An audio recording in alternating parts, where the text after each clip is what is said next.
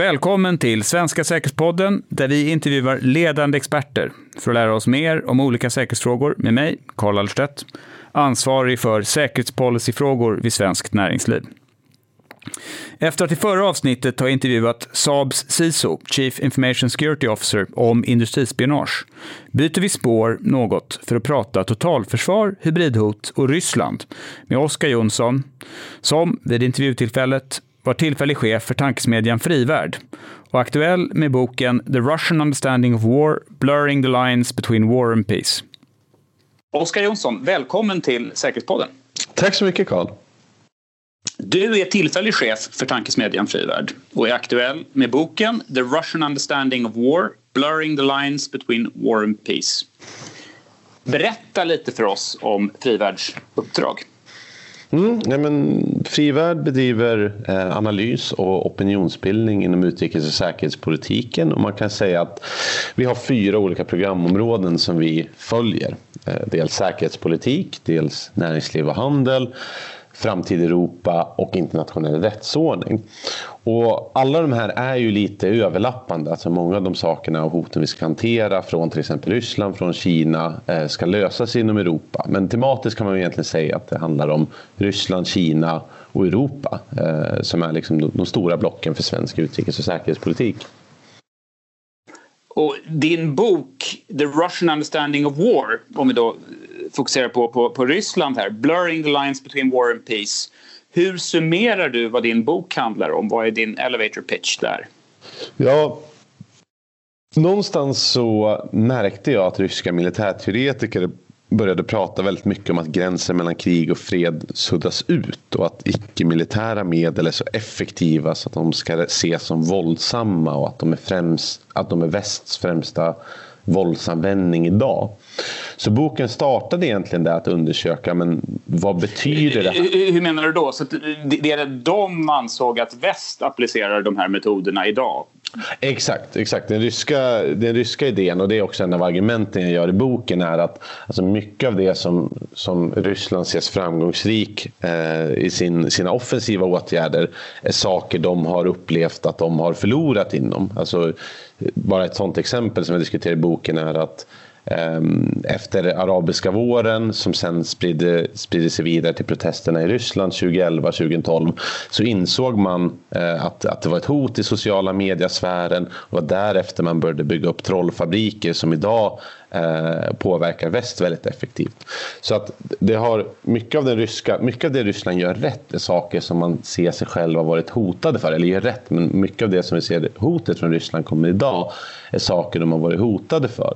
Så att, eh, och vissa av de här sakerna är också en beskrivning att ja, men väst gör det och därför okej okay att vi gör det, även om det nödvändigtvis inte är så. Nej, så att boken startade att börja under, att försöka förstå ja, men varför Eh, varför pratar man så här om att gränsen mellan krig och fred suddas ut? Eh, och någonstans så är mitt huvudargument att bland det ryska ledarskapet så ses nu informationskrigföring och politisk subversion och ideologisk konfrontation så effektivt och potent att det har breddat vad själva förståelsen av krig är i Ryssland. Uh, och det är, liksom, det är en ganska rimlig liksom, konsekvensanalys för där kan man ställa sig frågan ja, men vad hotar det ryska ledarskapet mest? Och liksom, varje halvdan underrättelseanalytiker i Ryssland kan ju se att Nato inte har liksom, vare sig förmåga, förberedelse eller intention att invadera Ryssland militärt medan eh, den typen av eh, liksom, konfrontation som leder till protestanter på gatorna i Moskva är det som är eh, främsta hotet mot det ryska ledarskapets legitimitet. Mm. Eh, svensk näringslivs medlemsföretag kommer att påverkas av det svenska beslutet att återskapa ett totalförsvar. Något som tidigare avvecklades efter kalla krigets slut. Exakt hur det framtida totalförsvaret kommer att se ut vet vi inte ännu.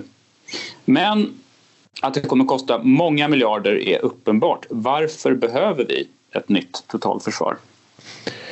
Ja, men är, det, är det något som är tydligt i, i den moderna krigföringen så är det att civila sårbarheter är allt ofta eh, måltavlor. Alltså det finns eh, Clausewitz beskrev krig som viljornas kamp och det finns många sätt som är effektivare att påverka en folkvilja än att försöka slå ut våra stridsvagnar exempelvis. Alltså våra stridsvagnar är extremt hårda. Men då kan man fråga hur hård är säkerheten kring vår elförsörjning? Hur hård är säkerheten kring vår till exempel vattenförsörjning? Um, eller bara vad, hur vår liksom, leveransförsörjning. Så att, sårbarhet, de främsta sårbarheterna om man vill påverka Sverige skulle inte vara eh, att liksom ge sig på de militära medlen även om, även om de behöver en rejäl upprustning också. Så är ju de militära medlen hårda och förberedda för krig. Utan det finns många större sårbarheter i samhället. Och informationsarenan är bara en sån eh, som, som inkluderas i totalförsvaret där man kan liksom, i dagsläget påverka en, en hel befolkning från distans. Så länge Sverige fortsätter vara alliansfria har väl Ryssland eller våra motståndare inget intresse av att lägga sig i vad vi gör, eller? Ja, men eh, jag skulle säga så här, dels så ser inte Ryssland Sverige som alliansfria och, och liksom, det, det, borde de inte se oss som heller. Alltså bland annat så har vi gjort solidaritetsförklaring till våra grannar att vi ska stödja dem. Dels eh, så är vi med i EU och dels har vi liksom extremt långtgående försvarssamarbeten med Storbritannien, med USA, med Polen och, och så vidare. Så att det, det, det finns ingen bas för att se oss som, som alliansfria men vi är inte med i NATO. Eh, och det är ju också faktiskt en extra intresse att påverka Sverige och det ser man ju en, en genomgående tråd i rysk påverkan, försöka hålla oss borta från NATO. Men framför allt så ser Ryssland alltså Sverige som en av de ledande staterna i eh, den politiska konflikten med Ryssland. Alltså vi är drivande de som är tydligast för sanktioner mot Ryssland till exempel. Vi har varit med att skapa östra partnerskapet till exempel som Ryssland ser som ett stort liksom, geopolitiskt grepp för att liksom, bryta loss deras grannländer från den ryska intressesfären in i Europa. Um, Sverige ser också som drivande för att kritisera Ryssland för, för mänskliga rättigheter-brott. Bara ett sådant exempel är ju eh, Naryshkin, chefen för den ryska utrikesunderrättelsetjänsten sa så här, eh, ja, Ryssland är i ett hybridkrig mot väst där väst attackerar Ryssland. De ledande länderna är USA, Storbritannien, Polen och Sverige. Så att Sverige var en av de få som, som, som pekades ut där. Så på politiska planet så finns det all, all anledning att påverka Sverige. För att haka på det du sa där, i, i din bok, du driver ju tesen att Ryssland ser sig själva som i krig med USA och väst eh, sedan den ukrainska revolutionen eh, 2014. Eh, som de anser att, att västmakterna låg bakom. Har, har jag förstått eh, det rätt? Ja, eller, det, det blir nästan lite semantiskt här, men det, det jag säger är att förståelsen av vad krig är har, har breddats till att inkludera informationsmedel eh, och politisk subversion, vilka båda Ryssland anser sig utsatta för idag. Alltså många ledande ryska politiker och teoretiker säger att det är en informationskrig med väst. Um, och bara en sidnot där så gjorde Levada en undersökning 2017 där 69 procent av den ryska befolkningen, eller de som uh, var med i den undersökningen, sa att vi uh, är i, i ett vi är en informationskrig med väst. Samtidigt säger också ryskande, ryska praktiker att saker som att demokratifrämjande är lika med aggression uh, och att Sverige försöker anordna, eller förlåt, att, att väst försöker anordna regimförändring i Ryssland. Och det stämmer varför de alltså, tänker så. För det finns till exempel både svenska, jag har hört både svenska och internationella politiker säga saker som att ja, men vi tror att sanktionerna mot Ryssland ja, kanske inte kommer få Ryssland att, att liksom byta eh, politik direkt men det kan öka oenigheten inom oligarkerna så, så att de får nog av Putin och byter ut honom. Eh, och även om det är en analys man tror på så vad man säger är lång, eh, rent om, eh, egentligen nästan direkt att vi försöker störta liksom det ryska ledarskapet och få en regimförändring där. Så att, att Ryssland upplever de här hoten som pågående och väldigt aktuella. Man är definitivt i någon form av liksom, konfrontation och konflikt som är ganska aggressiv. Men jag skulle vilja spara eh, krigsbegreppet rent ut för att det man ser i förståelsen, krig har traditionellt alltid förstått som väpnat våld.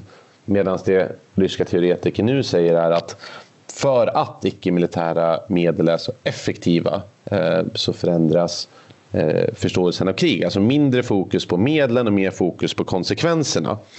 Eh, men jag skulle inte säga att vi riktigt där är att vi är i fullskaligt krig nu för då skulle vi också, Eh, och den liksom mest den, den sämsta eller bästa metaforen jag kan använda är lite som um, liksom när man är kär. Hur vet man av det? Jo, man bara vet om det. Och det är lite samma sak som när är man i krig.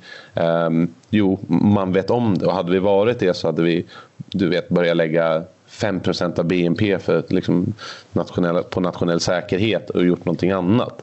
Så att vi är definitivt i en konflikt som pågår med, med, med en viss intensitet. Men jag skulle spara på, på att vi är i krigsbegreppet just nu.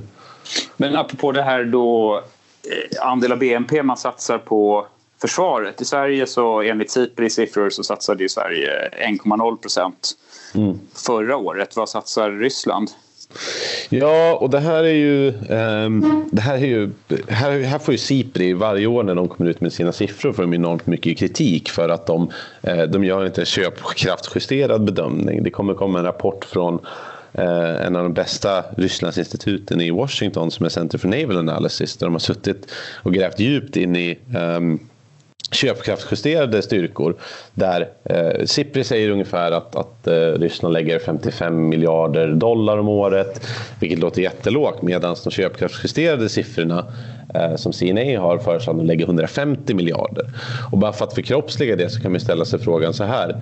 Ja visst, det ser ut som franska försvarsmakten lägger mer pengar än den ryska men liksom, jämför hur många stridsflygplan finns, hur många samövade brigader finns med beväpning, logistik och så vidare. Att, eh, alltså man slåss inte med en nominell siffra utan man slåss med faktisk förmåga. Eh, och där har jag svårt att se liksom någon eh, väpnad makt i världen förutom den amerikanska som har den förmågan att operera som, som Ryssland har. Så att där gör Sipri eh, bland annat sig själva en, en en, en otjänst. Och bara för att konkretisera det så 2014 så tappade rubeln ungefär hälften av sitt värde mot dollarn. Det betyder inte att Rysslands försvarsanslag gick ner med 50 procent. För att 95 procent av försvarsmaterielen man handlar, handlar man fortfarande i rubel. Ehm, och snarare så fick Ryssland fortfarande betalt i dollar så att de fick nästan den dollarn de fick för nu gav vi dubbelt så många rubel. Så man kunde faktiskt höja köpkraften när, eh, när rubeln föll. Nu är, det, nu är det lite grovt sett för att man ska ju också importera delar till, sina, till sin försvarsindustri. Men, men det här då man kopplar uppfattningen till liksom, om man vet om man är i krig. Finns det en diskrepans här? Tror du att i Moskva ser man på det annorlunda? Uppfattar man att, den, att man är närmare krigstillståndet i alla fall än vad då de flesta västerländska regeringar eh, hur de uppfattar läget. Ja, absolut. Definitivt. Alltså vi, vi, eh, vi ser ju våra sanktioner som eh, alltså, inte som en liksom eskalation mot krig utan som ett alternativ till oj, vi måste göra någonting men vi vill inte göra någonting reellt. Ah, Okej, okay, sanktioner är enkelt att genomföra. Um, det finns exempel Putin då, när vi pratade om när, när eh, Ruben föll mot dollarn, det var ju när oljepriset halverades. Eh, då ville ju OPEC, de oljeproducerande länderna, ehm, minska produktionen för att få upp priset. Men då sa Saudiarabien nej, vi vägrar eh, liksom minska produktionen. Och då finns Putin i en intervju när han säger det här är USA som arbetar genom Saudiarabien och försöker liksom knäcka vår ekonomi.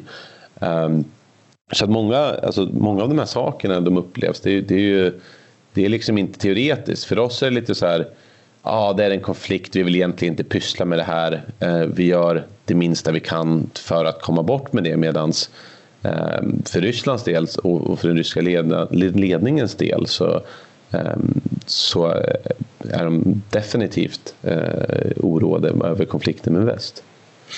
Eh, men om, men om du tycker då att begreppet krig kanske är, är att ta i då, men, men om det är någon form av konflikt, det är, det är ju inte en traditionell militär konflikt med Ryssland, men då om vi tänker arenorna, på vilka arenor drivs den här nya sortens konflikt och vad uppfattar då eh, Ryssland som legitima måltavlor i den här nya typen mm. av konflikt? Mm. mm. Nej, men i, för att beskriva det i termer av den ryska militärdoktrinen så pågår det en strategisk avskräckningsoperation eh, mot väst. Och det, det är dels alltså, de militära medlen, alltså hur man gör strategisk kommunikation och signalerar olika saker med, med provokativt beteende. Um, men också en, en strategisk subversions Eh, strategisk subversion mot väst. Och det är allt ifrån informationsdomänen till direkt och omfattande påverkan mot våra val. Eh, det är användandet av kemstridsmedel på på, liksom på brittisk mark, på NATO-territorium. Det är stöttningar till de värsta politiska partierna som finns, eh, de mest disruptiva politiska partierna som finns i Europa. Så att det finns egentligen ingen, och här tänker Ryssland mycket mindre på domäner. Vi har, vi har ett visst fokus, vi har ett mycket större fokus på domäner i väst där, där, det liksom, där man ser, okej, okay, vart händer det här snarare än vad, vad får det för effekt?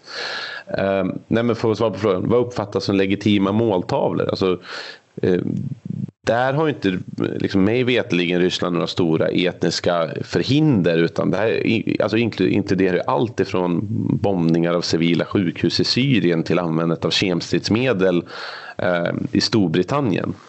Eh, det var ju eh, så att jag har, jag har liksom jag har inte sett några dubier till vad som kan liksom, oj det här, det här är inte legitimt, det här gör vi inte.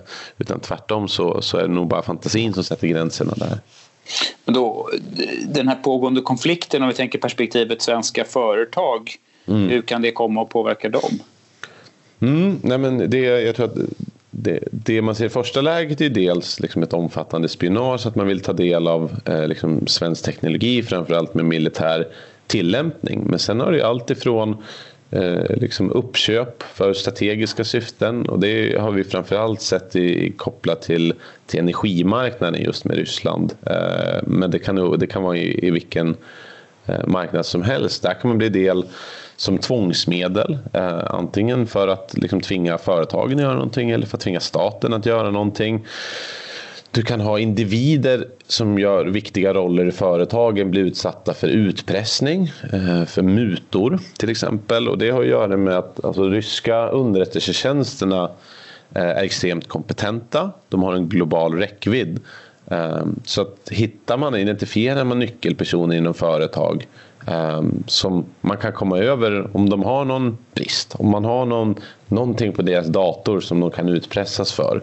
Ehm, eller om man bara ser att um, ja, den här personen är missnöjd. Det är ofta besvikna folk som känner sig förbisedda som är bra att, att, liksom, att muta till att göra olika saker. Och där ska jag också lägga till att, att det ryska ledarskapet har en nära koppling till den ryska organiserade brottsligheten. Så man kan, hamna, man kan bli påverkad av dem också för, för liksom det ryska ledarskapets syften. Och hur kan svenska företag göra för att skydda sig mot de här hoten? Mm. Nej, men först av allt så måste man eh, liksom ta sitt eget säker, säkerhetsarbete på allvar. Att är man ett, liksom ett företag som är säkerhetspolitiskt relevant och man kan till och med vara i tangentens riktning säkerhetspolitiskt relevanta. Tänker man så här, man kanske producerar någonting som halvledare eh, som, som man kanske tänker en civil te teknologi men har en tydlig militär tillämpning. Eh, så, så, får man, måste, så behöver man inse att man är liksom en del av ett större spel. Man kan bli extremt utsatt för främmande underrättelsetjänster. Man kan bli utsatt för, för investerare som försöker få kontroll över företagshemligheter. Och där, då behöver man en analysförmåga ehm, för att liksom förstå den kontext man verkar inom. Ehm.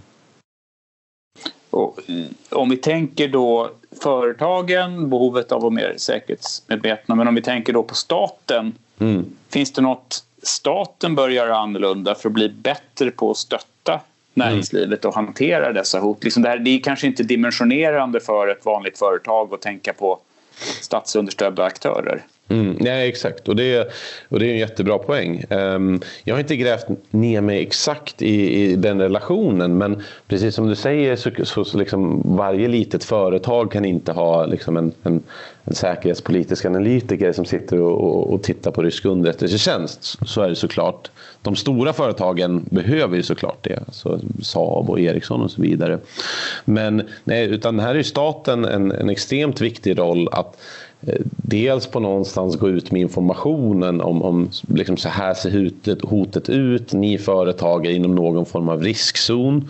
Um, men också bidra med relevant lagstiftning. Att bara ett sånt exempel där, där de flesta andra europeiska länder har någon form av investment screening som ser till att um, liksom, viktiga företag med, med nationell eh, säkerhetspolitisk relevans inte kan köpas hur som helst. Och det är ju ett sätt att hjälpa att, att man inte sitter med en, en liksom, i förlängningen en ägare som är kinesiska staten eller som är ryska staten som, som vill påverka en att göra någonting. Um, så, så, det tror jag att någonstans är det, det företagen framförallt vill ha är, är, är ju förutsägbarhet och tydlighet och så. Och det har ju staten med, med, liksom med lagstiftning, med information och kommunikation. Um, så att det, det är väl det främsta, men jag, jag, jag har inte grävt jättedjupt i det. Mm.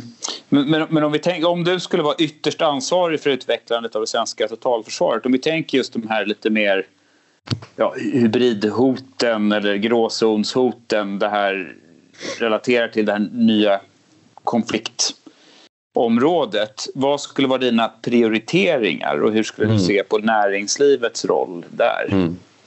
Ja, nej, men det, det, det är lite sådär och det är väl det som är den stora utmaningen för totalförsvaret. För det är ju ett totalt försvar och att man kan påverka sig i alla olika dimensioner. Um, och där har vi ju exempel från till exempel USA där man har gått ut väldigt tydligt med att eh, liksom, ryska militära underrättelsetjänsten siktar in sig på elnätet och försöker hacka sig in där. Och, och, och det säger sig självt att liksom, Sverige skulle inte fungera något bra under, under elnätet. Um, hur, hur kan vi ens förbereda totalförsvar om vi inte kan kommunicera med varandra? Men jag skulle säga att snarare än att, att, att, lyfta något område framför annat så skulle jag säga att det viktigaste som jag tycker att vi borde göra är, är ju liksom omfattande beredskapskontroller. Vilket Ryssland gör både militärt och civilt. Alltså, det är övningar där du inte sitter och planerar två år i förväg utan så här nu så ska liksom, nu har det skett en skogsbrand i, i, i, i Karlstad. Vi behöver försörjas med det här. Vad har ni greppbart här och nu? Och liksom, då får man eh, då spelar det ingen roll om, om Nisse är pappaledig eller, eller Lotta är mammaledig utan hur löser man den här uppgiften? För det är så det kommer se ut när, när det väl drabbar. Alltså då, då har man det man har, inte två års förberedelse. Och det kan även liksom ta form av att man har egna hackers som tar sig in i, försöker ta sig in i våra kritiska system och så vidare. Att det närmaste liksom, verkligheten man kan komma att utsätta systemen för det i nuläget. För att Eh, allt det här kommer inte vara fantastiskt när, när, när, krisen kommer utan man får göra vad man har med det man har nu. Så det är kanske det viktigaste, ska jag säga, att liksom verkligen prova sakerna. Beredskapskontroller. Eh, Som skar, skarpare träning? Ja, och, och, och det är lite så här Ja visst, vi behöver tio år på att bygga upp det här men det är inte säkert att vi får tio år. Alltså, där är ju också så skogsbränderna till exempel ett exempel. Att då är det verkligen så här man får ta det man har och försöka lösa det. Och, och, så kommer det vara i andra kriser också. Men vad står emot då? Om ni tänker det här, man... En, en auktoritär stat kan ju fatta beslut och så eh, hoppar alla och det blir så. Mm. Tror du att liksom, är det här ett allmänt västerländskt? Är det svårare just det här att ha sån här skarp träning? Är det någonting som praktiskt kommer vara genomförbart på samma sätt som, som i eh, vissa andra länder? Ja, alltså det... det jag, jag tror att problemet är inte nödvändigtvis eh, att vi är en demokrati utan nu har faktiskt Försvarsmakten börjat göra sådana liksom, beredskapskontroller. De är långt ifrån så omfattande och så som Ryssland. Och det är väl, jag vet, alltså, vissa är ju eh, bekymrade att genomföra sådana för de visar hur dåliga vi är här och nu och att det kanske är dåligt ur en avskräckningssynpunkt. Men, men jag tror att det där har nog motståndarna ganska bra koll på ändå. Utan jag tror snarare att det är så här eh, att det påverkar allt ifrån liksom hur mycket kostar det liksom till exempel civila företag om deras eh, liksom anställda måste liksom ryckas ur sin daglig verksamhet för att eh, simulera en, en, en en elförlustsövning eh, till liksom ersättningsnivåer, till övningsdygnsnivåer och sånt. Sånt är inte samma problem i Ryssland men det är liksom ultimat sett någonting det närmaste man kan komma eh, att liksom omständigheterna när det väl händer. Innan vi slutar, eh, skulle du vilja ge våra lyssnare några rekommendationer på böcker, nyhetsbrev eh, eller poddar Eh, vad skulle det vara? Mm. Nej, men jag, eh, jag kommer inte rekommendera min egen bok utan jag kommer rekommendera... Den, den har jag ju redan nämnt, eller Ja, exakt. nej, det, nej, så så eh, ödmjuk försöker jag vara i alla fall. Nej, men Care Giles har kommit ut med en bok som heter Moscow Rules som jag tycker är en av de bästa som har skrivits på länge eh, om vad som driver Ryssland i, i, i konflikten med väst. Eh, sen tycker jag, poddar, så tycker jag den, den eh, den svenska podden av Björn Wegner i Krig och fred tycker jag är ett väldigt bra jobb för att fånga upp de här, eh, de här frågorna. Ehm, jag tror att det får bli mina, mina rekommendationer. Super. Stort tack Oskar. Och är det något du skulle vilja tillägga innan Nej. vi avslutar? Tack så mycket för en bra diskussion. Stort tack. Tack för ditt medverkande i Säkerhetspodden. I nästa avsnitt fortsätter vi på temat totalförsvar. Och jag intervjuar då Martin Allard som var sekreterare i statens offentliga utredning om näringslivets roll inom totalförsvaret. Vi ser fram emot att ni lyssnar då. Tack för att ni har lyssnat på Svenska säkerhetspodden med mig, Karl Allerstedt. Om du tycker att detta avsnitt eller något annat avsnitt är intressant, tipsa gärna vänner och kollegor om den svenska säkerhetspodden. Tack igen för att du lyssnade.